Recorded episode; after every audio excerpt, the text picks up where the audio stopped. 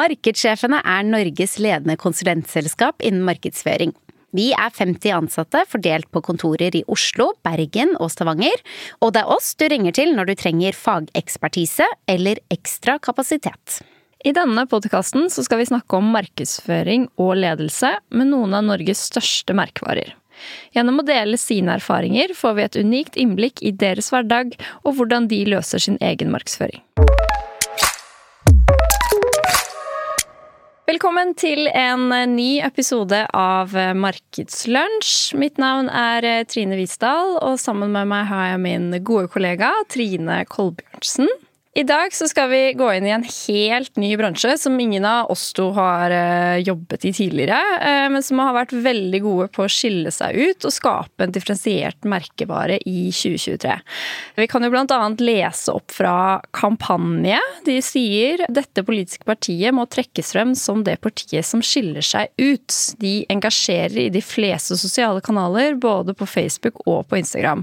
De har et stort fokus på å nå de unge, både på TikTok og til og med egen nettside for å få de unge til å stemme.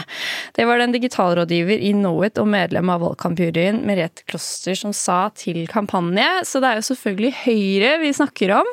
Og i dag så skal vi snakke om hvordan de har jobbet med markedsføring rundt valgkampen og frem til 11. september. Og da er det jo på sin plass å introdusere selveste gjesten Pia Veksels. Velkommen til Markedslunsj. Tusen takk for en hyggelig lunsj. Du har jo da en eh, bachelor i markedsføring. Det var der eh, veien startet. Og du har jobbet mye med event og festival i mange år. Så ja, var det ti år? Eller? Jeg har vært ja. tilknyttet festivaler, ikke på heltid, men Nei. jobbet med det i ja, ti-tolv år er lenge, det. Det er god erfaring med å få folk til å, å, ha det gøy og underholde. Det skal vi snakke om litt senere. Etter eh, en del år med festivalbakgrunn, så eh, ble du kampanjeleder i Oslo Høyre. Der jobbet du med valgene i 15, 17 og 19 altså 2015, 2017 og 2019. Etter det så var du litt sånn, du måtte ut og se deg litt om hva som fantes der ute, og da tilbrakte du litt tid hos Gelmuden Kise. Så gikk du videre til Try Råd, hvor du fikk jobbe med masse interessante kunder. Og eh, jobbet veldig bredt, så vidt jeg skjønte. Og så fikk du den fantastiske muligheten til å jobbe i Høyre igjen som kampanjesjef for dette valget som akkurat har vært nå. Og det er det vi skal snakke om i dag. Men du har jo en god breddeerfaring med deg. Masse perspektiv, forskjellige problemstillinger du nok har støtt på underveis. Så jeg tror dette skal bli en eh, veldig god samtale. Mm. Og da er det vel egentlig bare å sette i gang med det veldig, veldig store spørsmålet før dette valget. Hvordan rigget dere Høyre sin markeds- og kommunikasjonsavdeling for å sikre at dere skulle få til et godt valg? Ja, det er jo det som er litt interessant med politikken. Vi er jo en del ansatte i partiet, men det er jo ganske få ansatte der ute. Vi liker jo å si at vi har jo egentlig stått i 350 valgkamper, for det er jo vært et lokalvalg, og det tar vi jo veldig på alvor fra sentralt hold også. Så vi rigger oss jo misforstå meg rett, litt mer som en sånn servicekontor eh, slash konsulenthus for å bistå de der ute. Og det er jo veldig varierende. Eh, noen store byer så er det jo folk som har politikk som en heltidsjobb. Eh, andre kommuner så jobber de kanskje med noe helt annet, men har blitt ordførerkandidat. De har familieliv ved siden av, full jobb. Og dette er på en måte bare på toppen av en helt vanlig full hverdag.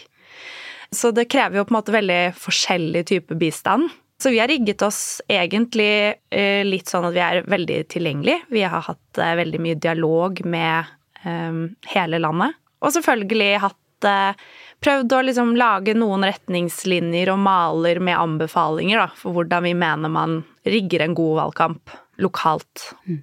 Men på ditt team, hvor mange er dere som jobber sammen der fast?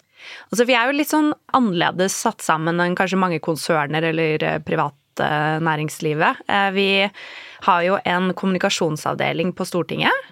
Alle disse er jo en viktig del av en valgkamp, eh, som jobber mye med presse og den biten. Så har vi et digi-team, som vi kaller det, som jobber med de sosiale mediene. Og så har vi kampanjeavdelingen, og vi legger jo da til rette for de nasjonale kampanjene og all egentlig support der ute. Jobber jobbe med eh, slagord, lansering av det, og i forlengelse av med digitime. Veldig mye Jobber veldig mye på tvers der. Mm. For å sørge for at vi er ute i de kanalene vi skal være ute i. Jobbe kreativt med det. Og så har vi jo f.eks. jobbet med nybrottsarbeid, som for oss disse personaliserte filmene, hvor vi har klart å knytte Erna Solberg opp mot uh, ordførerkandidater over hele landet. Sørge for at vi har uh, de verktøyene våre folk der ute trenger for å gjennomføre en valgkamp, og det være seg nettsider som fungerer godt, materiell å ha med seg ut når de skal møte velgere, sørge for å hjelpe de til å kommunisere kort og godt. Så det er en litt sånn den riggen vår er nok litt forskjellig ved et stortingsvalg til et kommunevalg. Mm.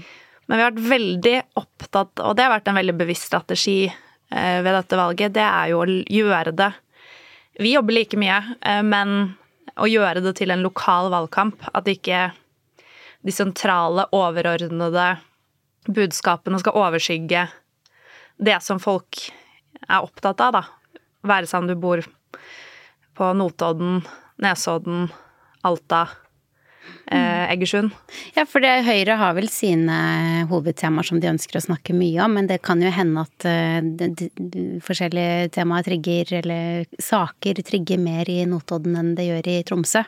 Og da blir det jo litt vanskelig å sitte i Oslo og si at sånn og sånn skal man kommunisere. Ja. Så det høres jo ut som en fornuftig tilnærming. Til ja, for jeg vil jo tro at eh, når dere har på en måte så mange lokalpolitikere over hele landet, som ofte har på en måte ulike fokus og prioriteringer, hvordan er det dere gjør dette med å sikre en tydelig, overordnet kommunikasjonsstrategi, samtidig som du på en måte bygger da lokale merkevarer? Altså, vi har jo utviklet på en måte noen konsepter som vi har vært veldig opptatt av. Bare for å trekke de lange linjene. Det som er veldig viktig for oss i politisk kommunikasjon, er at veldig mange oppfatter, og kanskje de tror, at politikk er veldig komplisert, og at de sliter med å henge med. Så vi har vært veldig opptatt av å um, bli flinkere til å kommunisere litt enkelt og kort. Og har da egentlig jobbet veldig mye med og Dette er jo krysning mellom kommunikasjon og kampanje, men jobbet med disse konseptene x gode grunner til å stemme Høyre i x kommune. Som en sånn mal, da, eh, for eh, Helt valgfritt, selvfølgelig, men vært en sånn kjepphest for oss å få folk til å være litt kort og konsis. Ha det på nettsiden at bor du i Nærøysund, så skal du på en veldig enkel måte skjønne hva du får da, ved å stemme Høyre. Så det har vært, um, vært en veldig viktig del av tankegangen, for da får du Det på en måte skal være gjenkjennbart uansett hvor du er, men det er også skal i større grad ta tempen på lokalbefolkningen der man driver valgkamp. Mm. Vi bor jo i et land hvor det er veldig differensiert hva som opptar folk der og da. Man er ikke nødvendigvis opptatt av det samme om man bor i Tromsø eller om man bor i Kristiansand. Nei, det er jo helt klart. Eh, men da blir det jo, sånn som du snakket litt om eh, tidligere, viktig Du nevnte dette med en blå tråd. Ja. Ikke en rød en, i hvert fall. Nei, vi har valgt å kalle det blå tråd. Det er jo også litt for å liksom gjøre du det grunnarbeidet med å lage de x gode grunnene, da. Så er det viktig for oss at de da blir repetert i egentlig alle kanaler. Eh, dette er jo veldig basic, egentlig, men i en så stor organisasjon med 350 Jeg bruker litt forskjellige tallbegrep her, for jeg har ikke lister i alle steder, og det har vært valg i x antall kommuner, men um, cirka, da, bare for å bruke det som cirka-begrep, hvor mange valgkamper vi har uh, drevet. Så er det For å nå igjennom, da, så er det utrolig viktig at uh, vi er gjenkjennbare. Om du ser en annonse på sosiale medier, eller om du leser et leserinnlegg, hører en appell fra ordførerkandidaten, at summen av det etterlater det samme inntrykket, og at du Det er mange partier som kjemper om oppmerksomheten. Du kan ikke snakke om alt. Og det er jo ofte litt problemet med folk som er veldig politisk engasjert, som kandidatene jo er. Og de sitter jo med et partiprogram på kanskje 40 sider. Det blir for mye for folk å henge med på. Mm. Eh, og da er det noe med å velge seg ut fem til åtte gode grunner og snakke da primært om det i alle kanalene, så du får den blå tråden. Du kjenner igjen Høyre når du ser en annonse. Du kjenner igjen at eh, skole er viktig. Og det Når du åpner lokalavisen, så er det en kronikk om skole. Du hører det i appellen, du hører det på stand, du ser det på brosjyren, du får det opp på Facebook. Og dette er jo ganske universelt, men man kan bare ikke snakke om alt, for da snakker man ikke om noen ting. Så jeg føler sånn, uavhengig av valgresultat, hvis folk liksom forbinder Høyre med noen av de sakene man prioriterte å snakke om, så har man gjort en god valgkamp, da. Mm. Da har du også gjort et grunnarbeid for neste valg, egentlig, for stortingsvalget. Og begynt å plante noen frø og, og ta en posisjon i folks hoder, som er eh, krevende arbeid i seg selv. Jeg syns det er litt gøy å høre deg snakke om det, fordi dette er jo det vi messer om til kundene våre hele tiden. Vi har vår egen metodikk for å, å lage kommunikasjonsstrategi, og da har vi det vi kaller temapilarer. Så da er det liksom fire, maks fire, men aller helst to eller tre pilarer vi skal snakke om. Det er de to temaene. Så kan man fylle det med innhold, selvfølgelig, men det er nettopp for å sikre det det du sier da, at man har ikke kapasitet til å ta inn noe mer budskap enn ett til to til tre. Så hvis man har fem eller åtte, så er det, det, det er mye. Men da får man i hvert fall sagt en del, og man repeterer og repeterer. Det er kjempeviktig. Mm. Så det er morsomt å høre at det, det, er det samme i business som det er i, i politikken. Ja, det er det jo. Og så er det jo litt det der med sakseierskap, da. Det er jo noe man i politiske partier snakker veldig mye om, og det er jo ikke det lar seg ikke bygge i løpet av en valgkamp. Det arbeidet starter jo veldig mye tidligere. Og det kan være seg at eh, velgerne sånn all over går til det partiet hvis de er opptatt av eh, det saksfeltet, eller mener at de er mer troverdige på det saksfeltet. Det kan være eldreomsorg, hvor det har vært litt skiftninger eh, mellom Høyre og Arbeiderpartiet. Jeg vet faktisk ikke hvordan det ser ut nå, men Miljøpartiet De Grønne hadde jo en periode veldig tydelig sakseierskap til det. Det er noe man må jobbe med mer på det langsiktige viset. Da holder det ikke med seks uker. For det må jo også handle om hva man faktisk får gjort, da. Fra opposisjon eller posisjon. Eh, hvilke saker er det man fremmer? Hvilke saker er det man jobber mest med? Eh, og så skal du også nå frem til folk, da. Sånn at de, når de tenker på Høyre, så tenker de på forhåpentligvis skole eller, eh, ja, eller andre saker. Men det, det, du sier der, du må jo kjenne målgruppen din, og innsikt er jo helt essensielt i alle markedsavdelinger, om det er eh, kultur, politikk, finans Altså det spiller ingen rolle, du må vite, kjenne målgruppen din. Hvordan jobber dere med innsikt, og hente den innsikten? For å gi de beste og riktigste budskapene? Altså, det vet jeg en kollega med også snakket mye om, men det den beste innsikten vi har, som er eh, et konkurransefortrinn for politiske partier, da, det er at vi er i mye større grad i løpende dialog med velgerne, da.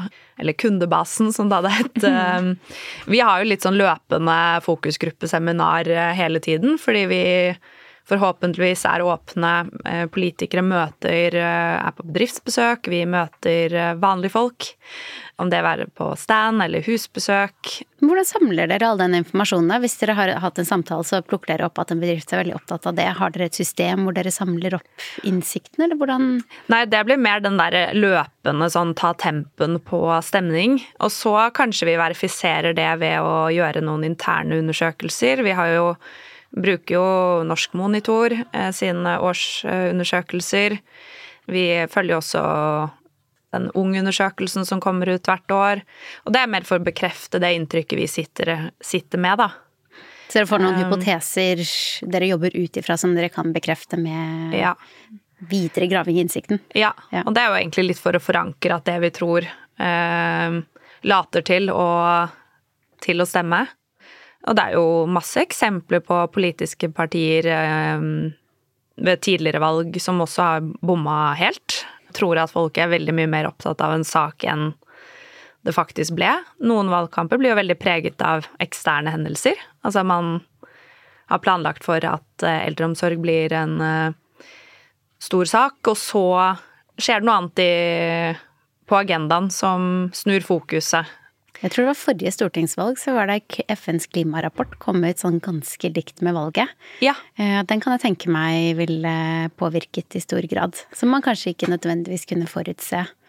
Nei, og det var eh, det samme som i Nå er vi litt langt tilbake, men eh, i 2015 så kom jo flyktningkrisen. Og tok jo veldig mye plass og fokus i en valgkamp, og jeg tror ingen av partiene hadde planlagt for at det skulle bli en dominerende sak i valgkampen. Og det var jo også en kommunevalgkamp. Nettopp. Og man så jo disse ja, forferdelige bildene av eh, han gutten på stranden, og, og det er jo sånn som engasjerer veldig. Uten at eh, noen på en måte sitter på svaret for hvordan den krisen skal løses der og da.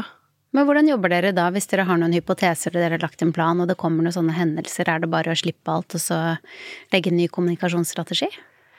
Det kommer nok veldig an på hva den hendelsen er. At det blir litt mindre fokus på eh, skatter og avgifter enn altså, bare jeg for noen eksempler. Mm. Det er på en måte ikke noe som vi lar oss styre av. Da er det sånn følge planen. Mm. Men det er klart, skjer det noe helt ekstraordinært, så, så gjør man jo det man må mm. gjøre. Ja. Men det er veldig vanskelig å gi noe fasit, for det kommer veldig an på mm. dimensjonen av, uh, av det. Men uh, det er klart, vi jobber jo både offensivt og defensivt med uh, å følge dagsorden. Mm. Det høres ut som det skal litt til for å vippe dere av bort fra den planen dere har satt, da. Det skal være noe ja, litt betydelig. Også litt klisjé, men planen er å følge planen. Ja. Og ikke avvike for mye, fordi ja, det, er ganske mange vi skal kommunisere til internt også. Mm. Jo, hvis vi skal følge liksom eh, følge hverandre, så kan vi ikke bytte fra dag til dag hva vi snakker om. Ja, for du nevnet eh, også en ting eh, dere har gjort eh, tidligere, det er at dere har en prøvevalgkamp. Ja. Eh, når dere jobber med innsikt. Hva vil det si?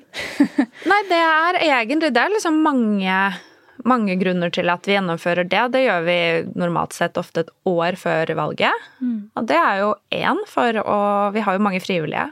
Så det er jo litt sånn eh, Hvor mange er med? Hvordan var det man gikk på husbesøk igjen? Hvordan var det å stå på stand? Hvordan var det å samle laget og den biten? Og så er det jo også en anledning til å nettopp bære den lytteposten ut, da. Altså samle inn eh, innsikt. Eh, vi lager jo liksom en brosjyre, og det er jo veldig prematurt, selvfølgelig, men det er litt sånn Responderer folk på det vi snakker om her? Får vi tilbakemeldinger om at det egentlig ikke er så Er ikke noe som opptar folk i så stor grad, så det blir jo litt sånn egentlig ta tempen ett år før. Mm. Det er jo egentlig ganske unikt å få tatt tempen så direkte, da. jeg tenker sånne store merkevarer gjør gjerne posttest og en pretest. Mm. Dere har liksom Det er liksom eh, Prøvevalgkampen er posttesten deres, og så pretesten er egentlig bare hvordan dere gjorde det på valg. Mm. så det blir jo eh, Ja. Det er jo en spennende måte å jobbe på. Ja, den er jo litt unik for alle de politiske partiene, kanskje versus eh, andre merkevarer, da. Mm. Nei, så det er litt sånn både indremedisin og ikke minst få tatt eh, liksom, ja, temperaturen. Men dere har eh, en stor målgruppe. Hele Norge. Fra egentlig litt under 18 og oppover. Hvordan gjør man det? Hvordan deler man inn annonsene sine? Hvordan tar man fatt på en så stor målgruppe? Ja, det er jo igjen eh, det man ikke kan. Og det er derfor vi også jobber jo med å snevre inn målgruppene, fordi å snakke til alle eh, med det samme budskapet eller retorikken, det, det er veldig, veldig krevende. Og så er vi jo ikke bank i bordet helt Nord-Korea heller. Vi skal jo ikke ha 100 oppslutning. Nei, det er vi jo veldig glad for at vi ikke satser på. og hvis man skal mene noe, så vil ikke nødvendigvis alle være enig. Eh, og det må man på en måte stå i. Mm. Og vi har jo respekt for at Altså alle politiske partier i Norge vil det beste for Norge. Man har bare litt forskjellig innretning på hva det er og hvordan det skal gå til. Og vi må stå for våre løsninger og det vi ønsker. Da må vi også tåle at det ikke nødvendigvis er en løsning alle andre er, alle er enig i, men vi skal nå frem til de som er enten stemmer Høyre, er tilbøyelig til å stemme Høyre, eller kanskje en dag vil vurdere å stemme Høyre. Og da eh, må vi jo Ja, vi gjør det jo egentlig litt sånn eh, som andre. Hva er de unge opptatt av? Vi sier jo det samme innenfor hvert saksfelt, men hvis ungdom er mer opptatt og engasjert i klima og miljø eh, eller psykisk helse, så er for eksempel Eller har vi erfart at eh, både Snapchat og TikTok eh, har nådd veldig godt frem til de målgruppene. Og da snakker vi selvfølgelig om det den målgruppen er opptatt av på den plattformen de er. Så sånn sett så lager vi målgrupper. Og det er jo litt naturlig. Og så er du småbarnsforeldre, så vil jo enten barnehage eller skolepolitikk engasjere deg litt mer. Og da er det kanskje den målgruppen, altså Det blir jo litt sånn bastant, men da blir det liksom aldersgruppen 35 til 45. Mm. Og de plattformene de er på, som kanskje i større grad er Facebook og Instagram, eller leser eh, nyheter med en displayannonse, vil jo naturligvis være kanskje mer egnet for å snakke om skole og barnehagepolitikk. Så det er jo veldig sånn Dette blir jo veldig overordnet, men det er jo egentlig så ja enkelt og så vanskelig. Enkel og grei segmentering, Så bruke budsjettene fornuftig, egentlig. Ja, ja. Jeg leste en artikkel på kampanjen hvor du forklarte at, eh, eller du fortalte om at du var på et uh, valgkampseminar i Tyskland. Og da var det en av foredragsholderne som hadde sagt 'We are campaigning, not entertaining'. Det var ikke du helt enig i? Nei, det, det var, jeg syns vi var litt uh, morsomt. For vi har jo litt lyst til å Altså, mye politikk er veldig alvor. Det er ikke til å komme unna. Men jeg tror hvis vi skal nå frem til enda flere, så er det jo også det å vise at politikk ikke er eh, så tungt og så ekstremt komplisert som mange tror. Så vi har jo f.eks. brukt mye tid på, um, og det er gjennom mange år, en Instagram-profil som er litt uhøytidelig, fordi folk er ikke nødvendigvis på Instagram for å lese grafer over eh, arbeidsledigheten. De er der kanskje for å se på memes. Så vi har jo på en måte tilpasset oss på den måten. Sånn at man også skjønner at ok, det er jo egentlig bare viktig informasjon presentert på en litt sånn lettfattelig måte der det passer seg, da. Og vi legger jo mye i at uh, vi har jo sånn intern slogan som er litt sånn 'de blideste vinner valget'. Fordi folk er ikke så interessert i å stemme på de sure folka. Så det å på en måte Eh, ha litt morsomme stands. Kunne være litt selvhøytidelig der det passer seg. Eh, by på seg selv. Det har egentlig vært Jeg vil ikke kalle det en strategi, men det har i hvert fall vært er veldig sånn noe vi jobber med, da. At det er litt sånn intern verdi, som vi håper jo selvfølgelig også når ut, da. Vi har jo mange politikere som også helt naturlig byr på seg selv. Og så tror jeg kanskje det kan være med å ufarliggjøre politikk litt. At det eh, blir litt mer appellerende å engasjere seg i det. At man forstår at alt egentlig er politikk. Veldig mange sier at de egentlig ikke bryr seg om politikk eller er engasjert i politikk, men hvis du begynner å sånn Ja, men du blir jo litt irritert når det lyskrysset ikke fungerer. Det er jo politikk. Mm. Alt er politikk. Alt er, det, er, ja. det, er, faktisk et veldig godt poeng. Så altså. alle er jo egentlig engasjert i noe politisk, de mm. bare mm. ser det ikke. Ja. Og da mener vi at eh, ved å ja, kunne gjøre litt morsomme ting. Vi har eh, sant, bare Snapchat-filteret vårt. Øh. Ja, for det fikk dere god respons på, det Snapchat-filteret? Ja, det er en sånn uh, liten ting som ikke er helt nytt eller uh, revolusjonerende, men det når jo liksom Husker ikke helt tallet, men 1,7 millioner mennesker, hvorav veldig mange også unge klikker seg inn på um, mm. hvorfor stemme Eh, Høyre som ung. Mm. Jeg, jeg syns jo det er imponerende at så mange som sitter på Snapchat og får opp et filter, også tar steget videre derfra inn på en nettside under høyre.no for å lese om politikk. Ja, det syns jeg er veldig overraskende. Men der tenker jeg dere Der gjør dere noe riktig, da. Å prøve noe helt nytt som dere bare Ja, ja, kanskje det funker, kanskje det ikke funker. Men da får man den dataen og det underlaget til å si at ja, men det fungerte godt. Mm. Da er det jo enklere også å prøve nye ting og trå litt ut av komfortsonen. Mm. Innledningsvis så sa Trine at dere vant den unge målgruppen, og så har du snakket litt om TikTok. Hvordan har dere jobbet med det, og hvordan har dere reflektert over å faktisk ta i bruk den kanalen? Fordi det har jo vært litt kontroversielt om man skal eller ikke skal gå TikTok-veien. Hva har dere snakket om bak lukkede dører? Altså, det har jo helt åpenbart vært en diskusjon vi har hatt. Og det har også vært en diskusjon alle politiske partier har hatt seg imellom. Noen har jo tatt til orde for at vi alle skulle ikke være til stede på TikTok som plattform. Men vi har egentlig sett det på som litt uh, vårt ansvar å være der ungdommen er. Og så lenge vi selvfølgelig følger alle retningslinjer for trygg bruk av TikTok, altså ved å ha en egen telefon som uh, kun brukes til det. Jeg trenger ikke gå i detalj på alle reglene, men altså så lenge vi følger absolutt alle forhåndsregler for å være på den kanalen på en trygg måte, så har vi også hatt diskusjonen hva skjer hvis alle seriøse aktører trekker seg ut, og man til slutt bare sitter igjen med aktører som kanskje ikke har en uh, like god agenda? At det er veldig synd for demokratiet og Altså, det er ikke til å komme unna at eh, veldig, veldig, veldig mange unge mennesker bruker ufattelig mye tid på TikTok. Mm. Men det ser man jo på statistikken. Det er jo flukt av den målgruppen fra Instagram og Facebook og de er ikke der lenger. Og, de, og de ser ikke på Dagsrevyen, tror jeg heller. Det skal ikke jeg si bastant, men eh, noe sier meg at de kanskje ikke sitter der og venter på klokka syv og skal se på en halvtimes Dagsrevyen. Det er nok en ganske gammel, mye eldre målgruppe for Dagsrevyen og Debatten. Ja. Nei, så det er egentlig ikke noe, noe verre enn at vi, så lenge vi er trygge på at vi gjør det riktig, at det har vært fint kanal å være der, sånn at unge mennesker Og det gjelder jo ikke bare oss, det er jo flere partier som har vært der også. Og det som helhet tenker jeg er veldig fint.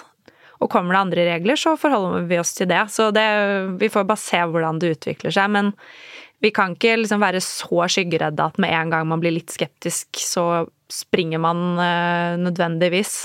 Man må ta noen valg.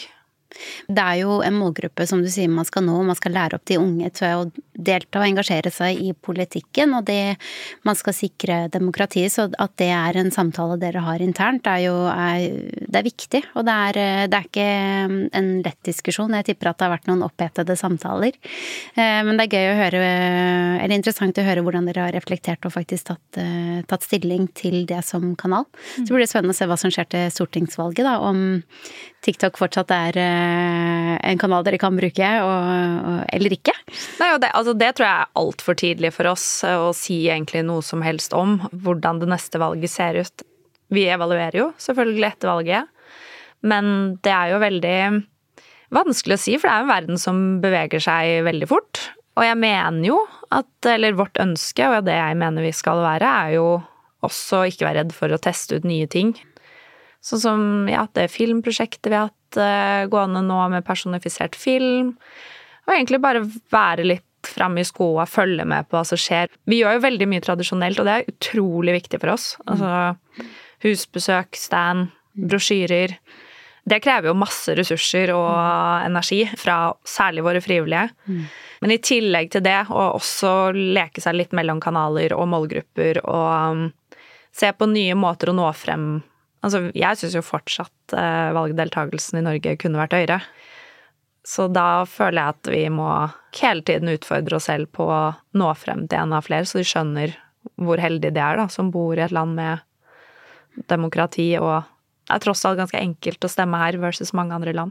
Det er det, ja. Absolutt. Det er jo ikke alle markedsavdelinger som uh, jobber med så store kampanjer som du gjør, men veldig mange markedsavdelinger jobber med store kampanjer. Hvis, har du noen tips til de som skal i gang med en uh, stor kampanje med mange forskjellige målgrupper, store budsjetter? Hva må man tenke på i forkant, og hva må man være obs på? Oi, det Jeg holdt på å si Hadde jeg hatt helt fasiten på det, så Altså, hvis du skal utover et veldig stort segment i mange målgrupper, så Altså igjen, det handler jo om å ha et veldig tydelig budskap og en målsetting.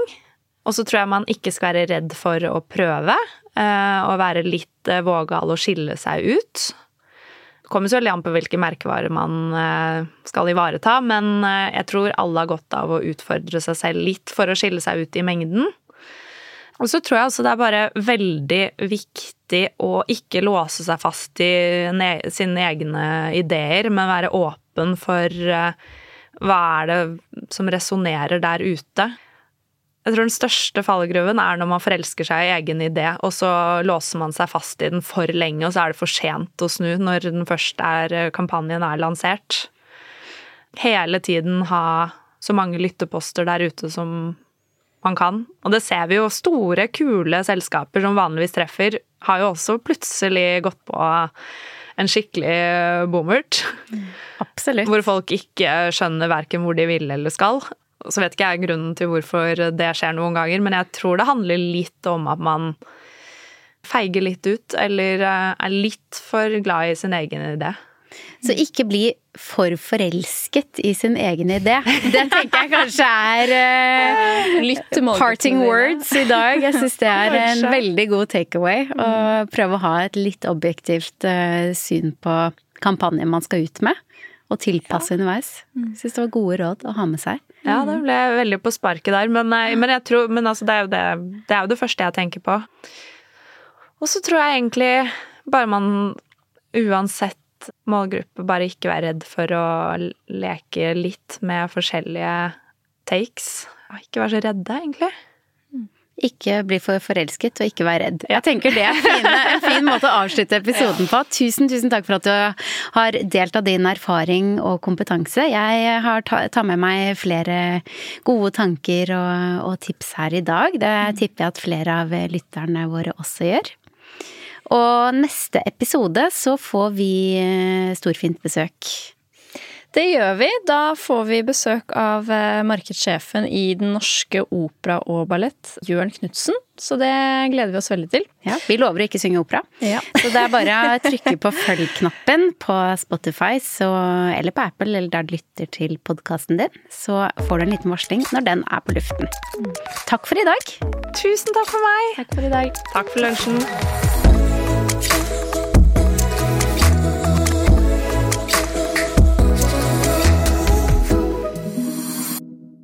Denne podkasten er produsert av Monster Podkast for markedssjefene.